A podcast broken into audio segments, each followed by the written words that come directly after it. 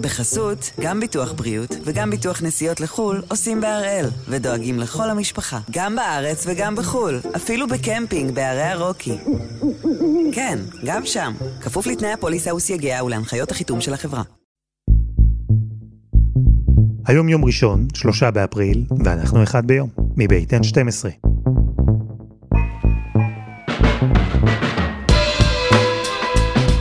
אני אלעד שמחיוף, ואנחנו כאן כדי להבין טוב יותר מה קורה סביבנו, סיפור אחד ביום, כל יום.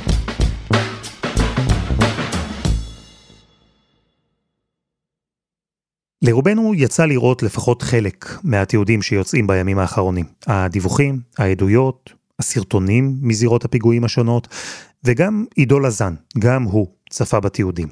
אבל עידו, ויש כמוהו לא מעט ישראלים, כשהוא רואה את החומרים שיוצאים מזירות הפיגועים השונות, הוא רואה אותם אחרת. אז אני מוצא את עצמי יושב בבית כשכל הדבר מתחיל. זה בעיקר, בעיקר קרה עכשיו בפיגוע האחרון בבני ברק. שם כאילו זה באמת פתאום תפס אותי, והיו לי התקפים, היה התקף חרדה, שבו הדופק עולה נורא נורא גבוה, יש תחושת סכנה, הגוף מגיב כאילו יש תחושת סכנה. במקרה שלי האוזניים נסתמות לי נורא חזק, יש לי סחרחורת, הראש שלי מתחיל לכאוב. אני בתחושה שלי צריך שליטה, אז אני חייב לעמוד. אני ישר צריך לעמוד, ולא לשבת או לשכב, כדי לא להרגיש שאני בשליטה ולא אה, שוכב על הכביש אחרי שירו בי, כאילו לשם זה לוקח אותי. אמ,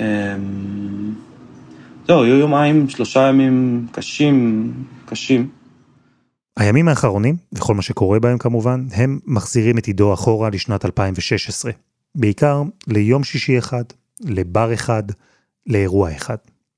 1 בינואר 2016 זה היה, אה, ממש ביום הראשון של, אה, של השנה. הלכתי ליום הולדת של אריאל, של חבר שלי. הגעתי לשם, לקחתי כוס גינס, היה יום קריר כזה, חמש דקות בערך, לפי למיטב זיכרוני. ואז אה, אז התחיל הבלאגן. מהחנות הסמוכה, ממש צמוד לפאב, יצא מחבל עם נשק אוטומטי, נסת מלחם, והתחיל לרסס. התחיל לרסס עם רובה אוטומטי ממש לכל הכיוונים. הכדור הראשון שאני חטפתי היה בחזה. זה הרגיש כמו מכה מאוד מאוד חזקה, מכה, קהה.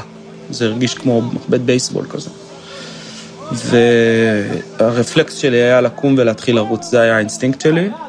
אה, רצתי כדי לחצות את הכביש, ותוך כדי שאני רץ, אני, אני מסתכל ימינה, וחמישה מטר בערך ממני המחבל אה, עומד, ומכוון אליי את הרובה, ויורה עוד, ופוגע לי במפשעה ברגל שמאל, ואני נופל, נפלתי על הכביש, פגע לי בעורק הראשי ככה טוב טוב, ואני זוכר שזה נורא כאב לי שם הכל, והכוחות הלכו ואזלו באמת, והדבר האחרון שאני זוכר זה שמעמיסים אותי לאמבולנס, ושהפרמדיקית שואלת אותי איך קוראים לי ומה מספר תעודת זהות שלי. והתעוררתי חמישה ימים אחר כך, בסוף היום החמישי, התעוררתי בטיפול נמרץ, אחרי ארבעה ניתוחים גדולים, ושם שם התחיל התהליך, תהליך החזרה לחיים שלי. השיקום הפיזי שלו היה ארוך, מורכב, הוא דרש מעידו המון סבלנות וכוח, ובזמן הזה, בזמן של הפיזיותרפיה והניתוחים, עידו לא ממש שם לב, אולי הוא גם לא ממש רצה לשים לב. שהוא צריך לטפל בעוד נזק מהפיגוע, בעוד חלק שבו הכדורים של המחבל פגעו.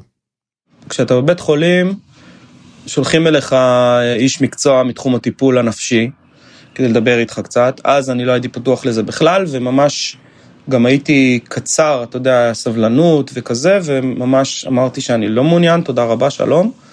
היה לי מאוד חשוב נורמליזציה, רציתי לחזור לחיים שהיו לי לפני, לא משנה מה, אבל אז היה הפיגוע בשרונה, קיבלתי טלפון מחבר, עופר, איפה אתה? מה, איפה אתה? אני אומר לו, אני, הכל בסדר, מה קרה? וזהו, הוא סיפר לי שהיה פיגוע, ובאותה שנייה התחיל לקרות לי משהו שלא ידעתי שקיים, שלא הכרתי על עצמי, ידעתי שקיים, לא הכרתי על עצמי. אה, והתחלתי קצת לרעוד, והתחלתי, היה לי קצת קוצר נשימה, והתחלתי להיבהל, הייתה תחושת בהלה נורא נורא קשה. והיה לי שם איזה חצי שעה של התקף היסטריה כזה רע מאוד, של בכי ורעידות, ולא הצלחתי לשלוט על הדבר. ויום למחרת התקשרתי לגלי, האי מנטל, ואמרתי לה, אה, נראה לי שאני צריך אתכם. אה, ושם פרקטית, בערך חצי שנה אחרי, התחלתי לגעת בדבר הזה של, של טיפול לא רק בגוף אלא גם בנפש. זה מסע, אומרים את זה הרבה, זו כבר הפכה להיות כמעט קלישאה. אבל ההתמודדות של עידו עם הנזק הנפשי שנגרם לו בפיגוע בדיזנגוף, זה באמת מסע. וכמו בכל מסע, גם כאן היו עליות וירידות, יש עדיין רגעים יותר טובים או פחות, ויש כל מיני חוויות שגם היום, או אולי במיוחד היום, עדיין מצליחות לתפוס אותו לא מוכן. קרה לי משהו מוזר, ממש כשהתחיל גל הפיגועים, התחיל לי כאב, אני נשמע לעצמי הזוי כשאני אומר את זה, התחיל לי כאב במפסע, איפה שחטפתי כדור, אחד הכדורים פגע במפסעה, התחיל לי שם כאב חד, זה מרגיש כמו שריר, אבל אי אפשר שלא לחבר את זה לשם, וממש אני כבר שלושה ימים צולע בגלל זה. אה, אין לי מושג מה זה באמת. אה, אז זה מחזיר אותך לא רק בזיכרונות, כאילו, גם אם זה לא באמת קשור, ובאמת סתם נמתח לי שריר, בתחושה שלי, בראש שלי, יש איזה חיבור, ואני כאילו חש פיזית את, ה, את הדבר הזה. את, ה, את הזיכרונות. אז הפעם אנחנו עם הפציעות השקופות של גל הטרור, ועם נפגעי הטרור שאנחנו לא תמיד רואים. גם הפעם, עכשיו, בגל הנוכחי.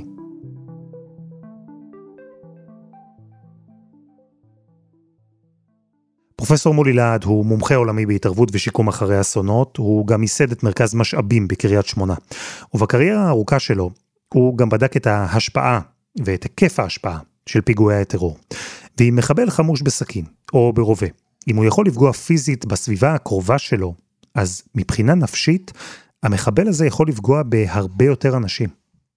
כשמדובר על האירוע הנוכחי, לדעתי אנחנו מגיבים אליו בעוצמה, ואני רוצה לספר לך שבאינתיפאדת סכינים שהייתה לפני כשבע שנים, יצא לנו לעשות מחקר שהתחיל לפני האינתיפאדה הזאת, בתוך כדי השיא שלה, וגם עקב אחרי, אנש... אחרי הקהל אה, אחרי, כלומר לקחנו מדגם מאוד גדול של מדינת ישראל. הדבר הראשון שמצאנו זה שרק שלושה אחוז מהאנשים שענו למחקר הזה, בכלל הגיעו לאיזשהו מקום שהם ראו או, או הכירו מישהו שנפגע באירוע. אבל רמת החרדה ורמת הסימפטומים, רמת הסטרס הייתה מאוד מאוד גבוהה. העוררות הגבוהה היא אחת הסממנים שלפעמים בגלליה קוראים לה את החברה הישראלית שהיא חברה פוסט-טראומטית. חרדה היא קצת כמו לגו, היא נבנית, אפשר להוסיף עליה עוד ועוד חתיכות מכל מיני צורות וכל מיני צבעים, הכל איכשהו מתחבר ביחד וצומח לגובה. ואם הרגשתם שהפיגועים האחרונים הובילו למפלס גבוה במיוחד של חרדה, בין אם אישית או קולקטיבית, אז כן, זה כמובן קורה בגלל הפיגועים.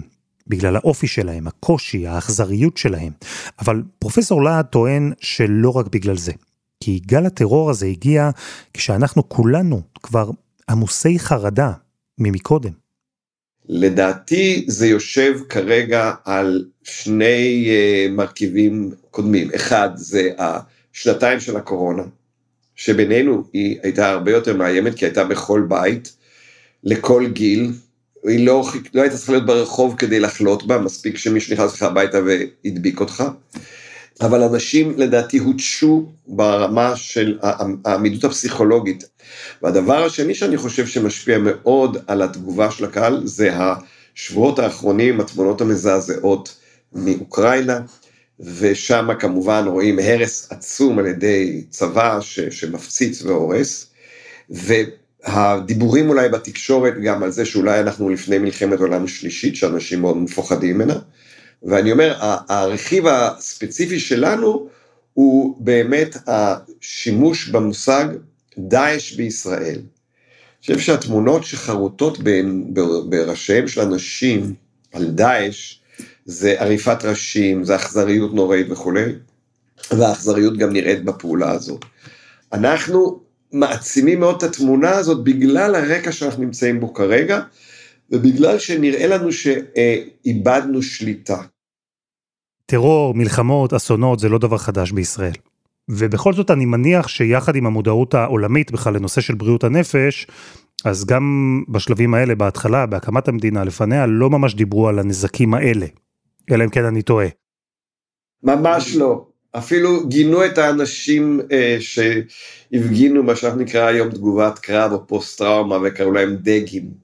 דגים פירושו קיצור לדגנרטים. ומתי זה התחיל להשתנות?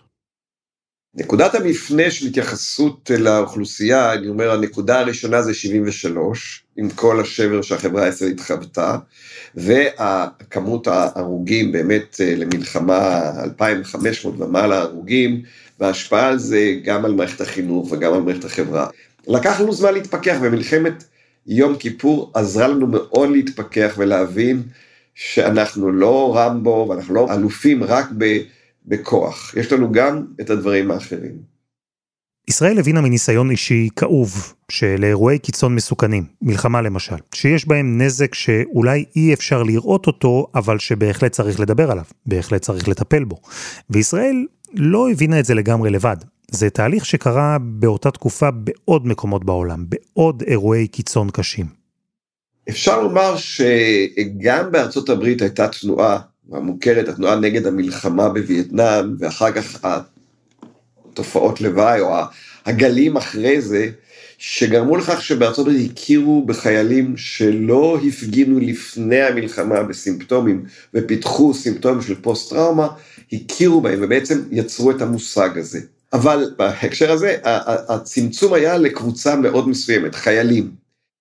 וזהו, שגם בישראל, העיסוק בנזקים הנפשיים כתוצאה ממלחמות או מפיגועים, העיסוק הזה התמקד בהתחלה בעיקר בחיילים. על אזרחים, במשך הרבה זמן, לא ממש דיברו. הקפיצת מדרגה המשמעותית הייתה בעקבות מלחמת המפרץ הראשונה, שפתאום אה, המדינה עצמה הותקפה ולא רק הגבולות שלה. ואז בעצם אה, מתחילה ההבנה שצריכים להיערך ברמה הרשותית וברמה הלאומית.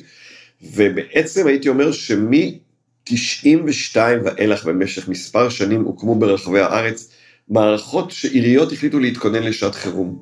באמת אפשר לומר שהחיים באיום ובמלחמות ובאינתיפאדות ובטרור לאורך שנים, גרמו לחברה הישראלית להבין שחוסן זה לא רק שמנקים מהר את הכביש ומסדרים מהר את המדרכות והכל נראה בסדר, אז באמת איך אני עוזר לאנשים להתאושש. וזה שישראל מנוסה כבר באירועי טרור ובמלחמות, זה בא לידי ביטוי גם באופן שבו אנחנו מתייחסים למימד הנפשי של האוכלוסייה. אפשר לומר שאנחנו, אה, ישראל כמדינה, מנוסה יותר, מתקדמת יותר בתחום הזה מאשר במקומות אחרים? ישראל היא בעניין הזה פורצת דרך בעולם, אין מקומות, אין בעולם מקומות דומים, אין מערכות כאלה כמו שבישראל, לא מרכזי חוסן ולא אה, אה, חוק שמאפשר לביטוח לאומי לתת לאנשים שנפגעו בפעולות איבה מיידית, טיפול נפשי, בלי להמתין, בלי, בלי ועדות. פיתחנו כלים, לדעתי, מאוד מאוד טובים ברמה האזרחית.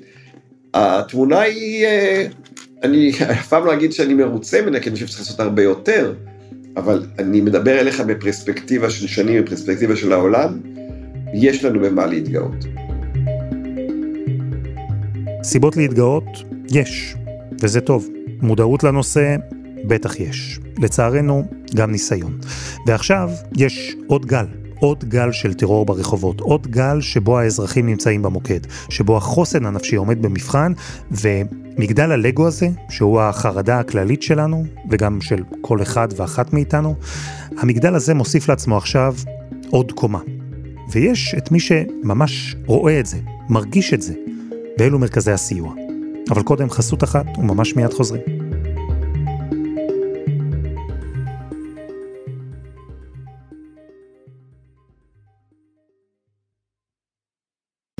בחסות, גם ביטוח בריאות וגם ביטוח נסיעות לחו"ל עושים בהראל, ודואגים לכל המשפחה, גם בארץ וגם בחו"ל, אפילו בקמפינג בערי הרוקי.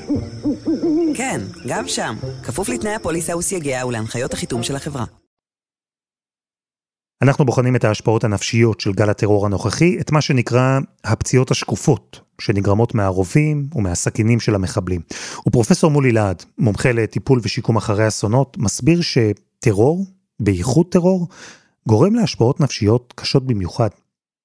כן, תראה, אחת ההשערות שלנו זה שאנשים מאוד סלחנים לקדוש ברוך הוא, הם מקבלים אסונות טבע כמכה משמיים, וכמובן אי אפשר להקים ועדת חקירה נגד השם יתברך, וכאשר מדובר באירועים בידי, בידי אדם, אנשים מאוד מאוד מזועזעים.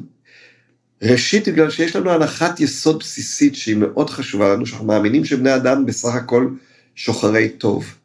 אבל כשמישהו עושה לנו משהו רע, או כשקורית מלחמה, או קורה משהו שהוא בין בני אנוש, התגובה שלנו היא לא רק תגובה אמוציונית, היא גם תגובה מוחית. אנחנו בעצם פוגעים באזורים במוח שלנו שקשורים להיקשרות האנושית, לאמון בבני אדם.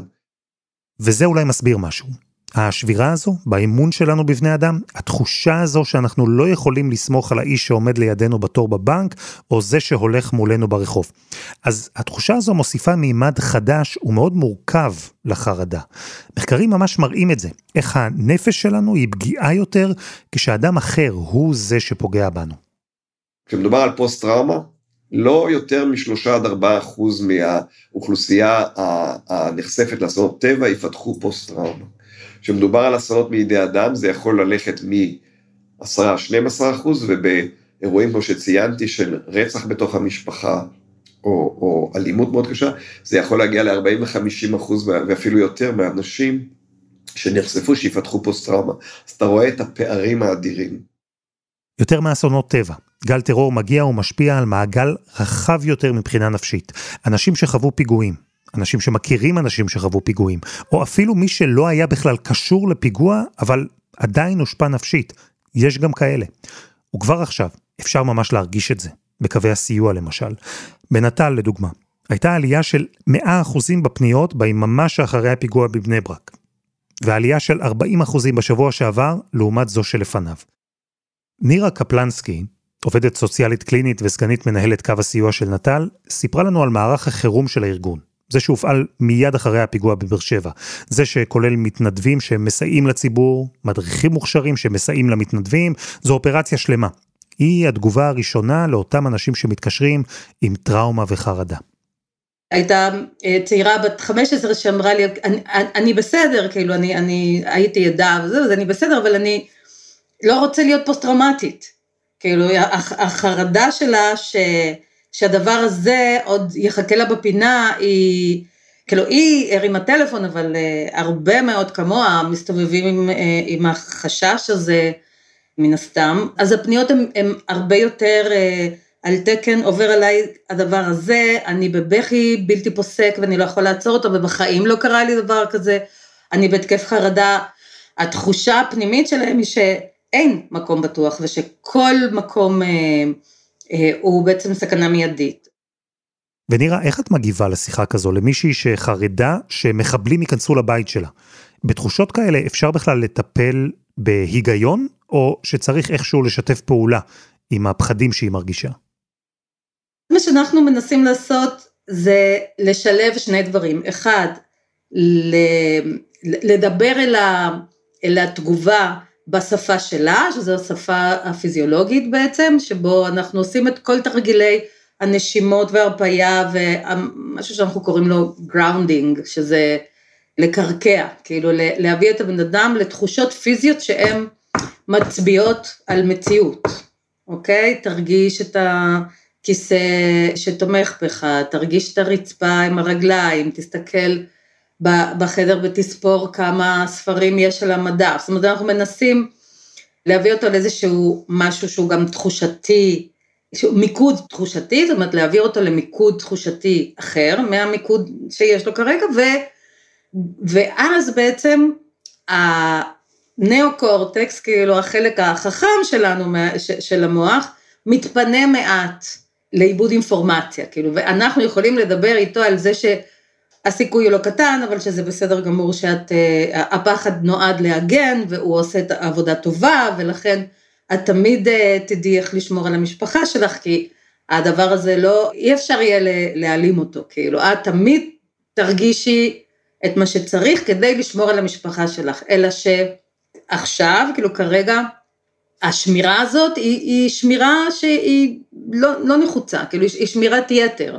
אז זה השילוב של שני הדברים, כאילו מצד אחד להוריד את העוררות הפיזיולוגית, ויחד עם זה כן לנסות לדבר לגבי, ה, על להתבונן על, על המציאות, ועל לחזק את התחושה של המקום הבטוח.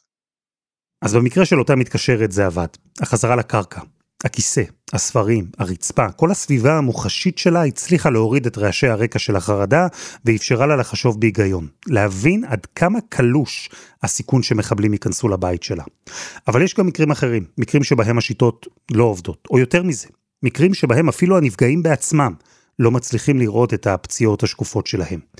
אבל נירה, היא רואה, היא רואה גם אותם. כאילו כל פעם שיש פיגוע, המחשבה שלי, בגלל שזה המקצוע שלי, הולכת לאיזשהו חישוב של אה, עוד איזה 300 אה, נשמות פצועות שהולכות להסתובב עכשיו אה, אה, ברחובות, וחלק מהן אפילו לא יקלטו כמה הן פצועות, וחלק אה, זה יהרוס להם את הנישואין, וחלק זה יהרוס להם את ההורות, וחלק זה יהרוס להם את ה... את התעסוקה, ובחלק זה יהרוס להם את, אה, את שמחת החיים, ובחלק זה יהרוס להם את הלילות.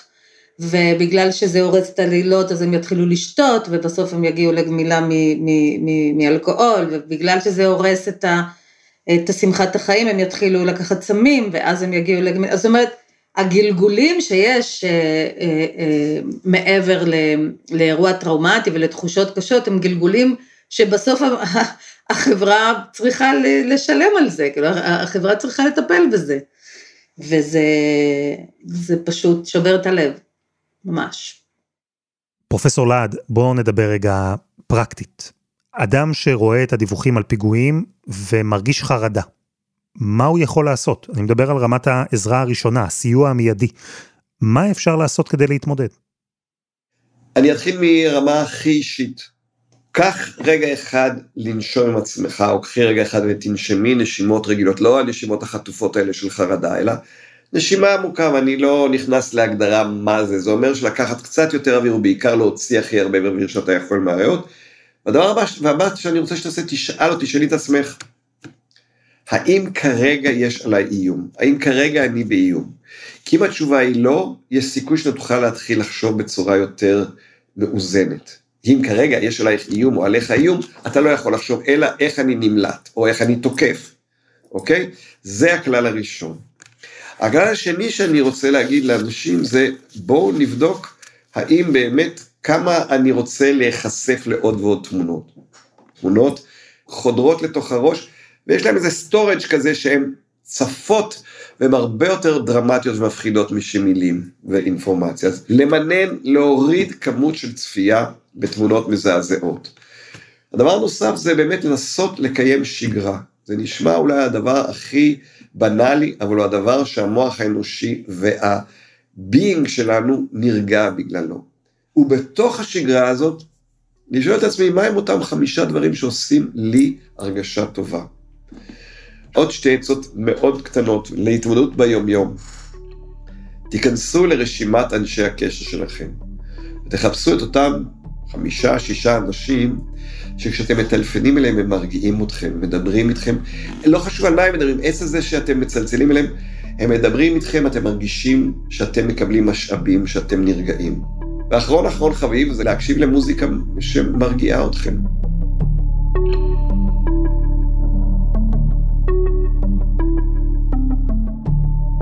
פרופסור מולי להד, תודה רבה. תודה לך. ותודה לעידו לזן ולנירה קפלנסקי.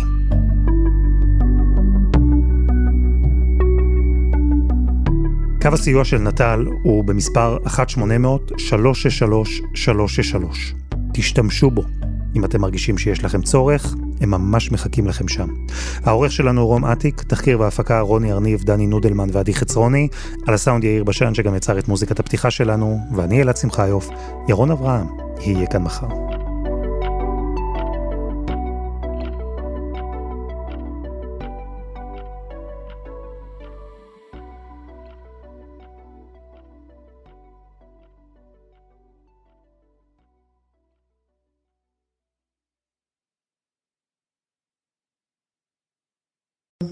בחסות, גם ביטוח בריאות וגם ביטוח נסיעות לחו"ל עושים בהראל, ודואגים לכל המשפחה, גם בארץ וגם בחו"ל, אפילו בקמפינג בערי הרוקי.